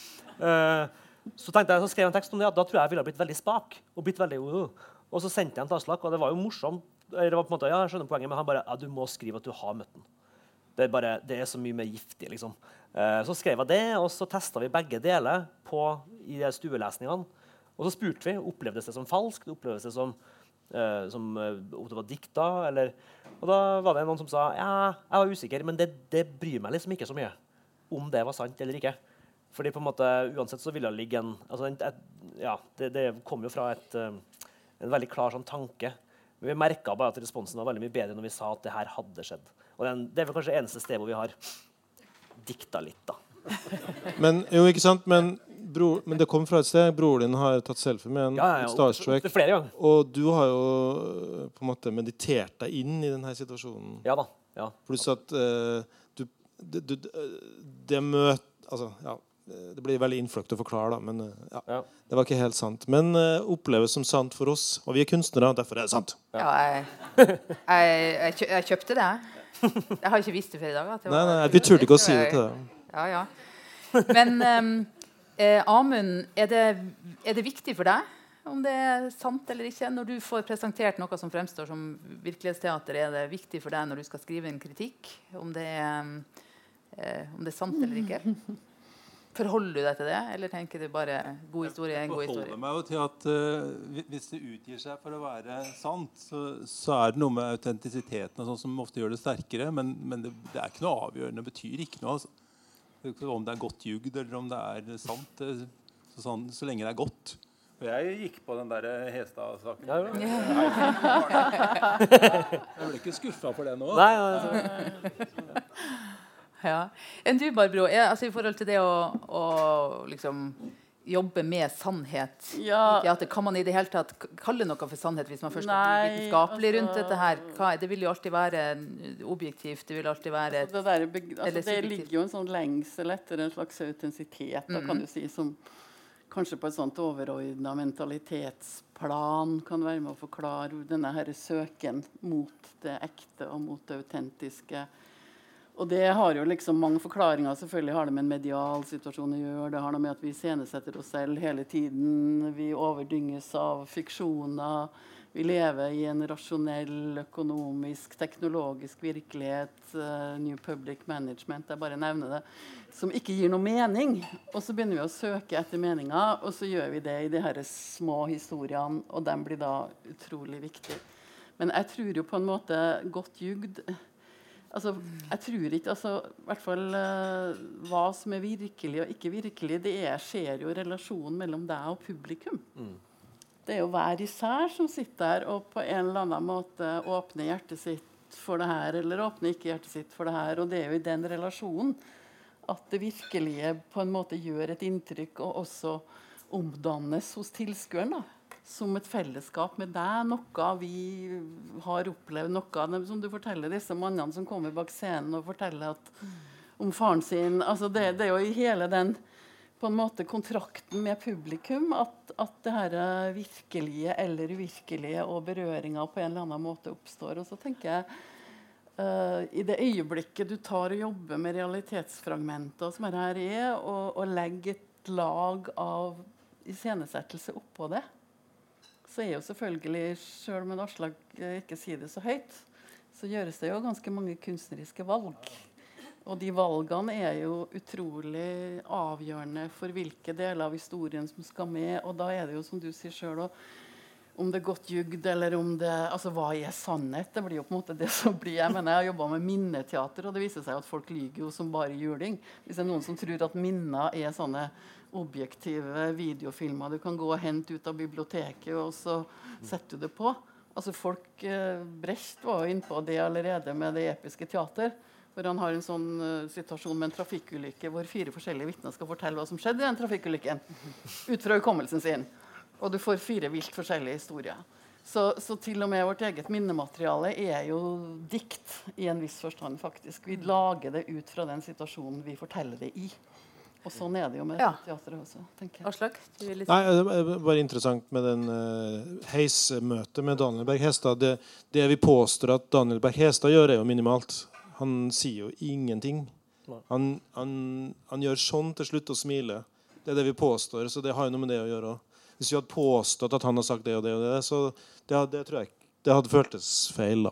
Så dere har ikke løyet så mye? Nei, det er formildende omstendigheter. Ja. ja. ja. Um, men i forhold til det med å eh, Å liksom søke mot Autentisitet snakker du om, eh, Barbro. Er det, nå tenker jeg at det liksom er eh, Hvis vi skal se på det som en, som en trend i tida, er det, så det, synes jeg det er interessant å, å bare eh, reflektere litt rundt hvorfor det er sånn. Er, hvorfor er det mer av det her nå? Søker vi Trenger vi, trenger vi denne typen teater? Trenger vi, er vi sugen på eh, levd liv, ekthet? Eh, er det noe der? Hva tror du? du? Du, vil jo inn i det her, Aslak. Så man kan jo ta utgangspunkt i, i deg som teaterskaper. Hvorfor vil du inn i det? Hvorfor er det her mer interessant enn å sette opp Ibsen? Du er jo, også, du er jo et, et menneske av de ti. Mm. Du søker også mot Er det et behov du har for ekthet i det ja, du jobber med? Jeg tror, jeg tror uh, når jeg gikk på teaterskolen, så var jeg på tredjeåret av fire så var jeg på det her kurset med Mike Lee-metoden. For meg så var det Da slet jeg jo liksom med å få skuespillere til å oppføre seg sånn som jeg ville på scenen. Så da var det jo, virka det mye lettere at de kunne lage rollen og komme til meg med den, og så kunne jeg liksom legge det i rør. Uh, det var jo en snarvei til noe som funka. Uh, og, jeg tror det, det, kan godt være en av grunnene til at jeg holder på med det her, at jeg ikke er så flink til det andre. Neida. Men, uh, men det er noe med autentisitet, ja, som du sier. Uh, og, og uh, teater for 100, 150 år siden så var jo det på en måte filmen. Da, og TV-en. Altså, da var jo det på en måte det beste gjengivelsen av live virkelighet som vi hadde. Men sånn er det jo ikke lenger. og jeg føler at det å skape en realistisk eh, illusjon på en scene med skuespillere som agerer mot hverandre altså det, det, går an, men det, det, har blitt fryktelig mye mer krevende tror jeg, enn for 100 år siden. Så, så det liksom oppleves litt for meg som en form for alkemi. At man liksom ok, Hvis vi har et kjempebra stykke, er i toppform, scenografien er perfekt, og vi har de aller beste skuespillerne i vår generasjon, så kan vi kanskje få til et par øyeblikk Sånn kan det føles noen ganger. Som funker. Vi vet det ikke før premieren, fordi de skal forberede seg og huske teksten. og alt mulig sånn. Men hvis vi er heldige, så skjer det kanskje. Og, og, og, da er det på en måte Uh, ja, det er en slags snarvei til autentisitet. Da. Uh, og, og, da uh, også større sjanse til å lykkes? Ja, det blir, jo, det blir, jo, på en måte det. Og, så er det jo også sånn når man er teaterregissør frilans, så er man jo Noen jobber jo med de aller beste skuespillerne? Eh, som er da samla ofte på Nationaltheatret eller norske. eller sånn, veldig, der har, Og det har mye ressurser. Sånn, det er kanskje lettere å få til den typen ting eh, hvis man skal være rundt på andre scener og Altså eh, Ja. Nå skal jeg passe på at jeg ikke sier noe eh, feil her, men, men, det er noe med at, at eh, ja, det føles utrolig krevende å lage uh, fungerende, realistisk, autentisk teater. Det, det, er egentlig det det ja. koker ned til. Nå syns ja. jeg ikke alltid det lykkes for andre heller, men uh, For deg så har det vært ei, ei, Kan ikke se bort fra at det er en del av uh, ja, mm, ja. Altså noe som interesserer meg, da. Ja. Og så er det liksom det er jo, Du tar utgangspunkt i virkeligheten. Du, det er ikke noen kråketær på et papir som liksom skal løftes opp og, og pustes liv i. Mm. Hva heller lese bok. ja, ikke sant. Um, i forhold til, hvis Vi nå, vi var innom den her uh, arv og miljø, uh, Amund, uh, tidligere i samtalen. Og den, den, En ting som er interessant med den, det er at det fantes jo ei bok først. Og så ble det laga teater av det. Og det var først da det ble teater, at det, at det dukka opp en, um, en anmeldelse. Den ble, ja, det ble anmeldt. Um, hva er grunnen Til politiet, ja. Nei, altså ikke sant. Den var ikke, det var ikke en, det var ikke en kritiker som den. Den, fikk også, den ble jo anmeldt flere ganger, men også til politiet. da. Eh, hva, hva, tror du er grunnen til at det skjer når, først når det blir teater? Hvorfor skjedde ikke det da, da, da boka forelå? Det var jo samme innhold. Jeg, har, jeg, har, ikke sett 'Arv og miljø', dessverre. Jeg har lest uh, boka. Men så det blir spekulasjoner. Ifølge et sånt uh, statsministerdekret så skal ikke folk innen scenekunstfeltet spekulere, men kan jo gjøre det likevel. Uh, og jeg, ja, for det første er Det jo sånn, altså det er jo ikke vanlig å politianmelde teaterstykker, men de siste fire månedene så er tre teaterstykker i Norge som er blitt politianmeldt. Så det, det spørsmål om det er noen trender ute og går der også. Uh, Har alle vært basert på virkelighet? Er det er det, det Ja, Den nasjonale scenen har to av dem. Det er den der Arvemiljøet, og så har de Kim Friele-stykket, hvor Nina Karin Monsen har uh, ja. anmeldt dem. Og så er det uh, Ways of Seeing da, i Oslo. Riktig. Den, uh, det er jo blitt en helt annen type virkelighetsteater, hvor, hvor, hvor, hvor, virkeligheten overtar teatret, kan du si. Men tilbake til det du spurte om, så, så, så lurer jeg på om det kan være fordi at Eh, jeg hadde inntrykk av at, uh, at Nasjonale Scener gikk litt høyere på banen i markedsføringa si. Så jeg har gått tilbake for å se på det om det stemte. Jeg har ikke klart å finne det, Men det var det inntrykket som ble skapt da de markedsførte som at i mye mer insisterende på at dette her var sant enn eh, det Vigdis Hjorth og forlaget gjorde. Det kan også være at det er, at det er andre virkemidler i teatret som gjør at det, Men det, i og med at jeg ikke har sett forestillingen, så for jeg har forstått at det er, det er en ganske sterk forestilling. Kjersti Elviks uh, presentasjon er, mm. er, er ja, intens. da. Så, men, uh, men det, det, blir bare spekulasjoner. Altså. Ja, jeg skjønner. Jeg var vel kanskje ute etter om det er, er noe med teateruttrykket som, som, som, som gjør det sterkere enn å, altså, enn å ja. Men så har du, altså Min erfaring er jo det stikk motsatte med en del andre ting jeg har sett. Sånn som Knausgård, f.eks., som, som da, var en nydelig forestilling, syns jeg den, eh, den uh, Min kamp som Riksteatret hadde. Uh, om våren er også blitt det, det, var for så vidt en, en, varm og god og kjærlighetsfylt bok. Den er også dramatisert og, og, og ble minst like bra. Så, men, men det, det, kan nok handle om at det er forskjellige, at det kan bli sterkere for enkelte. Altså, men jeg tviler på at uh, gamle fru Hjort har vært i Bergen og sett forestillingen. også. Og jeg stusser litt for at Hun har jo god juridisk rådgivning innen familien nå. Så jeg skjønner det rett og slett ikke. Ja, Aslak har en kommentar her. Ja, jeg tror at Dette er jo også spekulasjoner. Men, men, det er jo noe, teater er jo rituelt. Så det er noe med at um, hvis man viser at noen har ligget i en busk og filma inn i et soveromsvindu eller en fasade da, og, og, det at folk sitter i to timer i Bergen og ser på at noen At det blir liksom eh, Det blir mer virkelig, på en måte. Altså, det blir mer um, Det er farligere enn litteratur? Det blir jo, altså Litteratur er jo på en måte en bok, og det, det opplever man én og én. Men her blir det på en måte en slags kult omkring det. da Altså Det blir mange mennesker som sitter der og på en måte mediterer over det her. Eh, Og da, da blir det Og det er jo litt oppløftende, egentlig. At det har betydning. Ja, eh, Barbro. I forhold til nettopp det her med, altså, med politisk teater, altså, er det sånn at virkelighetsteatret oftere tenderer mot å være politisk? Ja, også, du kan si En sånn fellesnevner eh, er jo at den ofte da voicer eller gir rom for sånne fortellinger som vi ellers ikke ville ha fått hørt. Altså at det er deler av virkeligheten som ellers ikke ville ha kommet fram, som gjennom de her dramaturgiske strategiene får liksom et uttrykk og blir en forestilling. Så det er jo en sånn innafor alle disse her forskjellige små underkategoriene man kan uh, og det er jo Der har du etnoteater, der har du anvendt teater, der har du liksom ulike former for uh, minneteater. Altså det handler jo veldig ofte om nettopp det her identitetsprosjektet. Og så er det jo noen som sier liksom at det er en konflikt mellom å ha den type overordna kunstnerisk målsetting på den ene sida, og det å lage kunst på den andre. Noen kritiserer det og sier at det blir bare identitetsteater. Men jeg tror det der er fullt, fullt. Jeg tror det der er en dialektikk. Jeg tror det er mulig. Jeg tror du kan i veldig stor grad gå inn i den type kalle glemte tematikker. Gi stemme til grupper som ellers ikke har en stemme, og på den måten få løfta det inn. Og det er klart at uh, I forhold til det politiske så har jo det dokumentære, som jeg mener at virkelighetsteater er en underkategori av, har jo alltid vært, uh, det har vært knytta til forskjellige begrep.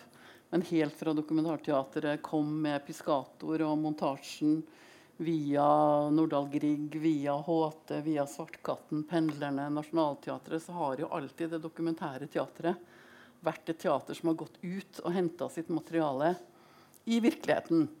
Enten det har vært rettsprotokoller, researcharbeid eller uh, intervjuer. Mens det kan si det nye som skjer med Virkelighetsteatret, er jo at det er de personlige biografene. altså at det er autobiografi som blir på en måte det dokumentære materialet som man på en måte prosesserer og jobber med.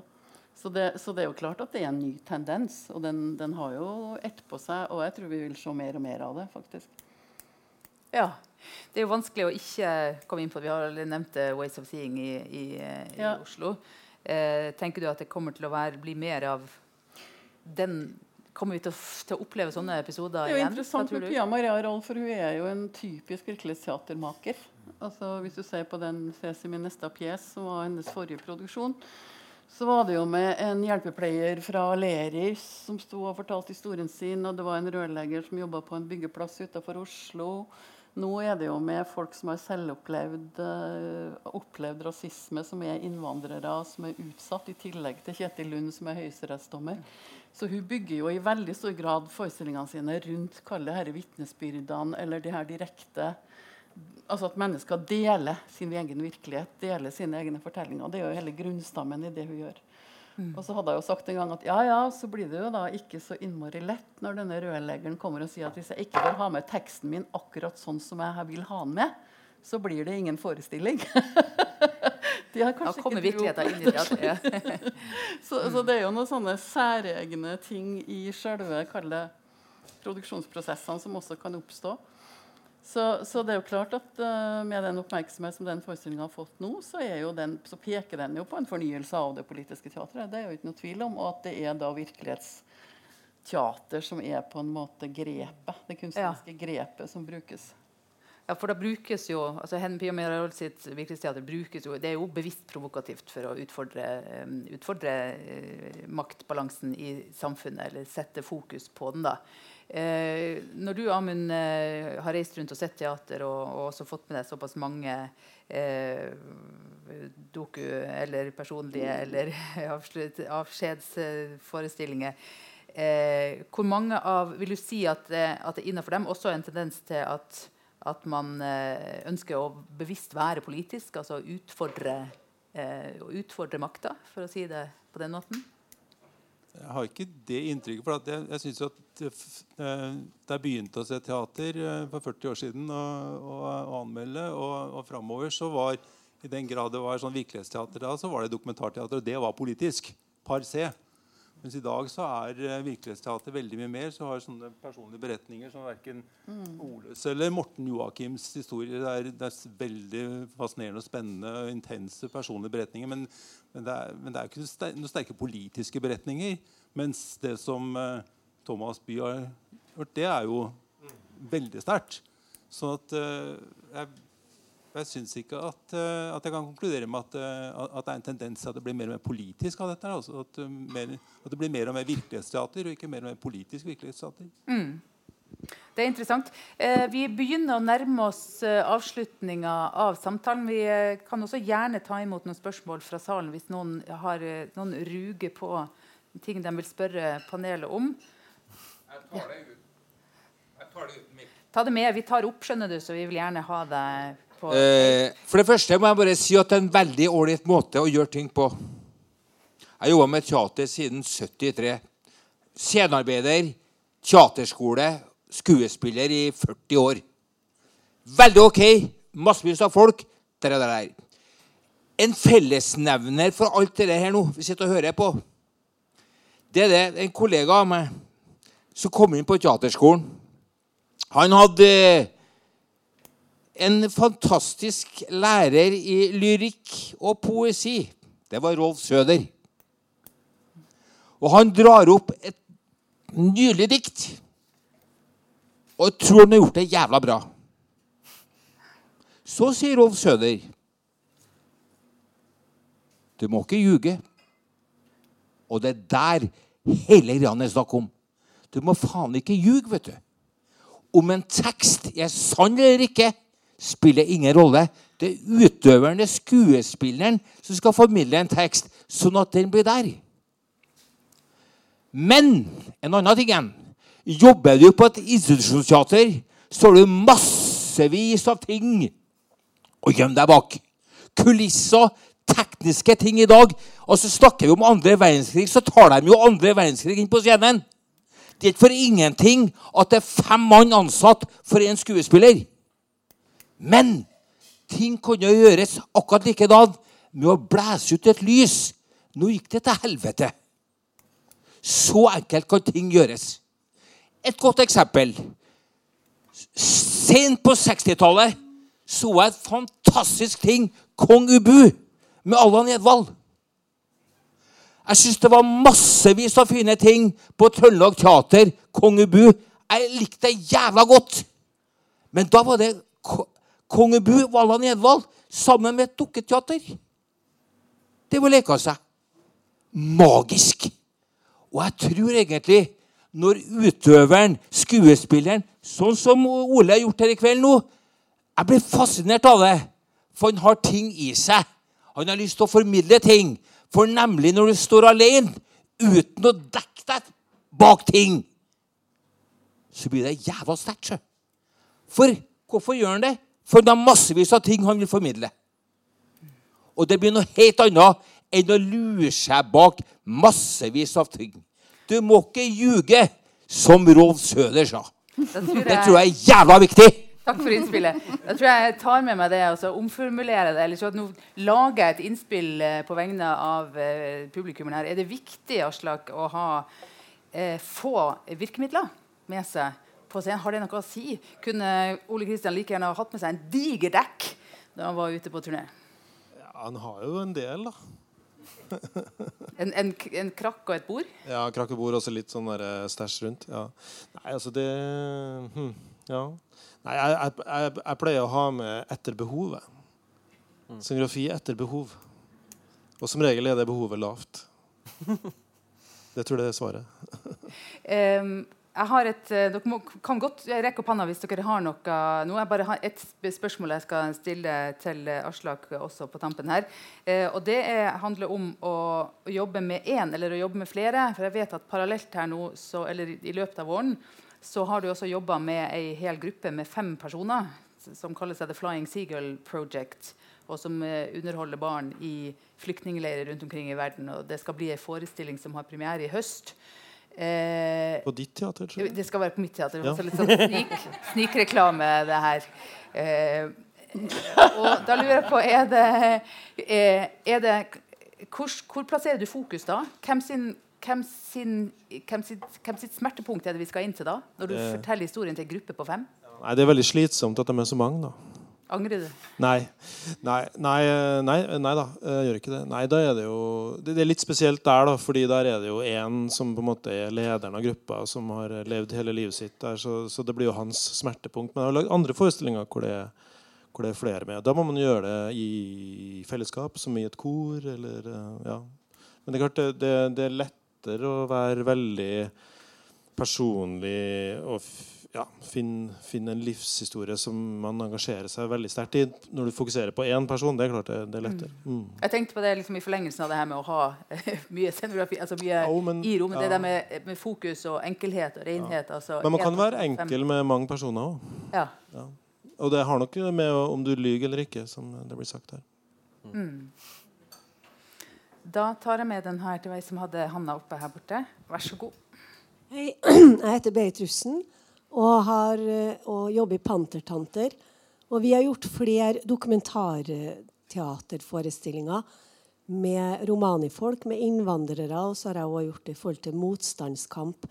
Eh, Det som er en greie tenker jeg, med mye av dette her, som er i hvert fall erfaringa vår, det er at det ligger noe relasjonelt i forhold til det. at det, Hvis du jobber med dokumentar, jobber med eh, eh, tema som ikke før har vært opp, så plutselig ruller ballen, sånn som den nå gjør i forhold til Ways of Seeing. Eh, F.eks. når vi jobba med romanifolket, så var det sånn at eh, akkurat sånn som du snakker om, at da kommer det folk på scenen eh, eller bak scenen etterpå og, og forteller sine uforløste historier. Eller at det er sånn at du på en måte Vi kan oppleve at Vi opplevde f.eks. at det var eh, rett og slett slåssing mellom forskjellige romanigrupper som, altså som slåss om hvem sin fortelling det egentlig var i forhold til det. Og når vi, gjorde, eh, når vi har jobba med innvandrerting, så har det jo blitt sånn at eh, vi har fått eh, virkelig innvandrerspørsmålet i ansiktet og har vært nødt til å engasjere oss eh, politisk ved siden av. Ikke sant? Ja. Så jeg lurer, på, jeg lurer litt på denne greia her med Er det mindre risk da hvis du bare jobber med én person eller din fortelling, eller om du tar og løfter frem usynliggjorte tematikker? Og er det en grunn til at man på en måte ikke gjør det i større grad? på en måte? Da kan vi, skal jeg gi den, Var det spørsmålet spørsmål til Aslak? Var det det?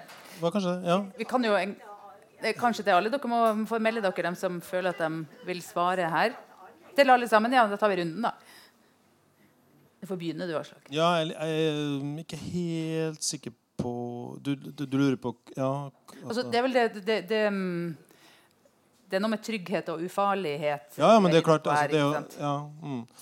Det er litt tilfeldig. Jeg har laga om farlige ting òg, altså, men, eh, men eh, det, det er jo det, jeg, tror, jeg tror svaret egentlig at det, det er vel like Og det var vel du inne på, at det er jo like variert som alt annet teater, egentlig.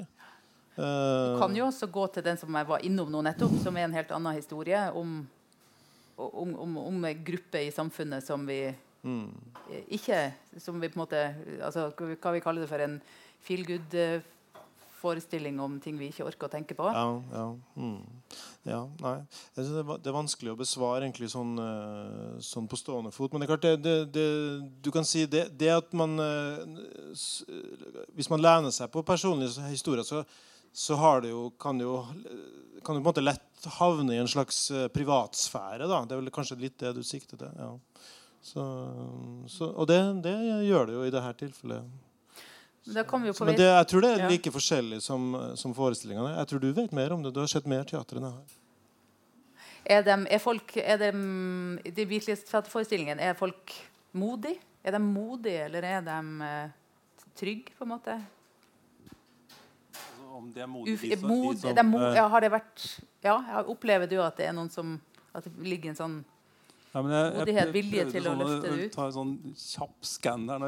men eh, hukommelsen svikter meg litt. Altså, at, uh, Berit, eh, er, om, om jeg kommer på noen forestillinger hvor de har tatt virkelig sånne underdogs og løfta og Jeg er jo sikker på at det har skjedd, men, men, men jeg kommer ikke på noen, så jeg vil jo tro at det er i mye mindre grad. Og at uh, det er det er en viktig sak nå framover å løfte, løfte fram de ukjente historiene. Og ikke bare disse her historiene som ligger litt mer i dagen. Men, eh, men eh, jeg skal gå, gå, gå gjennom bloggen min igjen. 400-500, se om jeg finner noe. Men jeg, jeg klarer ikke å svare her. rett og slett. Du får ta en sjekk og så komme tilbake i neste teatersamtale og i en i oppsummering. Barbro, vil du kommentere innspillet? jeg får bare sånn assosiasjon liksom, til 70-tallet, hvor en gjeng skuespillere dro ut til Vestfossen cellulosefabrikk og begynte å intervjue arbeiderne når de skulle legge ned denne fabrikken. Det var ganske modig. Det ville ha vært som en gjeng skuespillere og tok bussen opp til flyktningmottaket på Sandmoen og bosatte seg der i to måneder og laga et teaterstykke om det. Det ville ha vært ganske modig. Så jeg tenker det har liksom noe med hvor er engasjementet? Hva er på en måte kontrakten teatret har med samfunnet? Hvilke politiske bølger er det som ruller? Og så, videre, så, videre. så jeg tror nok at eh, større modighet ville ha brakt fram utrolig mange ufortalte historier som vi ville hatt utrolig godt av å høre. Der sitter Per. Han jobber med teater bak murene på Der sitter Per! Ja, det er tvillingen, ja. Unnskyld. Han jobber med teater bak murene på Tunga. Det er også ganske modig. Så jeg tenker at uh, vi får ta på oss modighets... Uh, vi får få motet fram i brystet og pannen. Vi kan jo kanskje, ja, kanskje det vi skal oppfordre denne her nye muligheten innenfor Virkelighetsteatret til å, altså at man kan benytte den til å, til å være modig og til å løfte fram viktige historier. Uh, jeg tenker jo kanskje at det kan være like viktig å, å treffe en, en enkelt publikummers eh, smertepunkt i Ole Kristians forestilling. Altså det, er på en måte, det er også å løfte frem noe som er usynlig, eh, og, og som er på en måte som, som teatret har kraft eh, til å gjøre. Men en, en, kanskje en sånn mer samfunnsrelatert modighet eh, også fins der som en mulighet, som en større mulighet innenfor virkelighetsteater enn innenfor andre eh, former for teater. Da. Og innenfor, i en særstilling innenfor kunsten. da. Ja, du, det må bli litt kortere den gangen her. Den er, den er veldig kort. Det er litt artig skjønner du, når du har en idé. Jeg hadde faktisk talt søkt og fått penger om en monolog av Samuel Beckett. Da legger jeg opp ei reise fra sentrum via en liten sånn gammeldags buss. Så ender vi opp på fyllinga på Hekstadmoen. Alt det lå klart, det. Men Mattilsynet sa nei. Jævla hyggelig, vet du. Takk. Kort nok. Ja, det var fint. det. Takk skal du ha. Så var det Ingvild. Vær så god. En kommentar til det du sa nå, Nora. At, eh, jeg tenker at nettopp Uansett om det er en eh, privat og mer personlig historie, eller om det er en, eh, en eh, samfunnsdebatterende ways of seeing teaterforestilling, så er det noe med det å skape den debatten og få den dialogen, som Aslak også snakker om, som vel er teaterets liksom, fantastiske mulighet. Um, og der står jo virkelighetsteatret, hvis det er det vi kaller det i dag, eh, sterkt. Og det eh, skal vi benytte oss av. Takk skal du ha. Er det noen flere da? Jeg tror ikke jeg ser noen hender i været. Er det noen som eh, vil du Det var den du ville si helt til slutt? Ja. Jeg skal bare sjekke her, for jeg, jeg vet hva du skal si. Eh, det kommer litt sånn praktisk informasjon her til slutt ved Berit. Men da tenker jeg at vi bare, jeg skal bare høre om dere vil ha, sånn avslutningsvis og avrundingsvis har noe dere eh, på hjertet som dere eh, Ja! vil ta. Jeg har, bare lyst, jeg har jo sett både den eh, sett forestillinga til Aslak som er på spill her. Og i hvert fall, eh, jeg syns det er noe slags sånn veldig forsonende over det. Jeg tenker inn i forhold til en sånn, altså Man kan gå veldig mange veier i det her. Man kan gå liksom utleverende, pinliggjørende, skamfull veien. Eller man kan liksom gå den her forsonlige veien. Og det syns jeg har vært veldig fint med dine forestillinger. Det at jeg føler at det er en slags sånn forsoningens dramaturgi som er med å styre de kunstneriske valgene. Og det tror jeg er en veldig Det er en, det er en vakker vei å gå i, i det materialet, rett og slett. Ja, det- den er fin å ta med seg hjem i kveld. Eh, Ole Kristian, Ja. har du noe å si avslutningsvis? Jeg syns det var veldig godt sagt, det, det Barbro sa. Eh, nei, eh, hva, hva skal vi si, da? Eh, så mye taleføre folk. Så, nei, men det er, jo, det er jo veldig Jeg syns det er interessant å høre på særlig folk som er, har levd et lengre liv i teateret enn meg, og de perspektivene som, uh, som er fra liksom, 70-tallet, som er ja, det var ikke jeg påtenkt. Uh, og høre hvordan vi nå Og det som skjedde da, nå i Oslo, med, eller, med Ways of Seeing, og det viser jo bare at det er viktigere enn noen gang å, å ha denne samtalen og se hvor det tar oss videre. da. Og være modig i det. Det blir kjempeviktig, for det er jo virkelig under eh, under hot. Ja. Da ønsker jeg deg lykke til videre på turneen med, med Helt hekta. Takk. Så kommer du altså til Trøndelag Teater i april. Mm. 3. april. Da starter et hel rad med gjestespill eh, på Trøndelag eh, Teater. Mm. Og i tillegg så kommer det altså, som tidligere nevnt også to av Aslak sine andre eh, forestillinger, 0 pluss 0 eller 4, om norske justismord. Um, Thomas By, fredag 5. april. Og lørdag 6. april så spiller Morten Joakim fire begravelser og ett bryllup.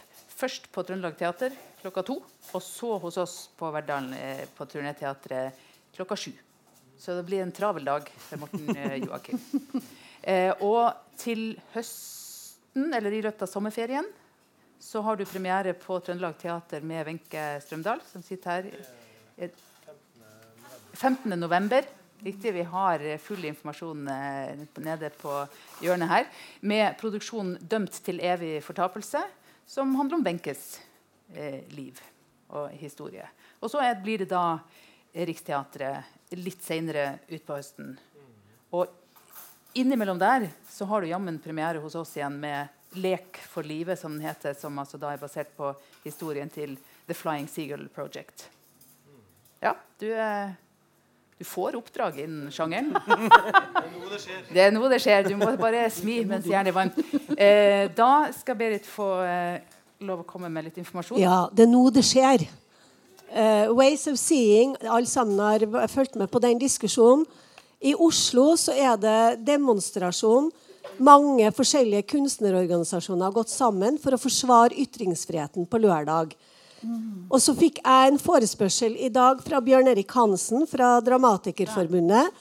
Eh, og, og, og, liksom om kanskje man skulle prøve å lage en, eh, en eh, demonstrasjon eller en, i hvert fall en markering her i Trondheim og på lørdagen.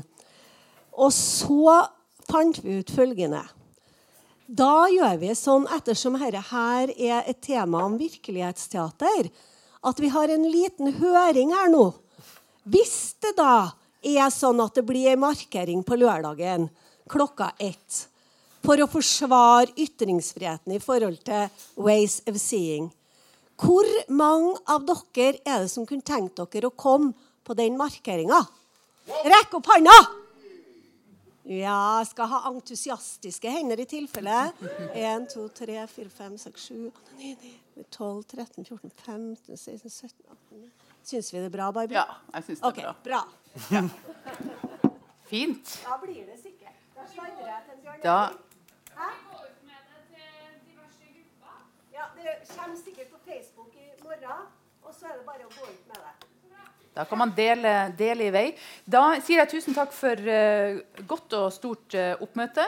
Takk til de fire som har vært her, og takk for i dag.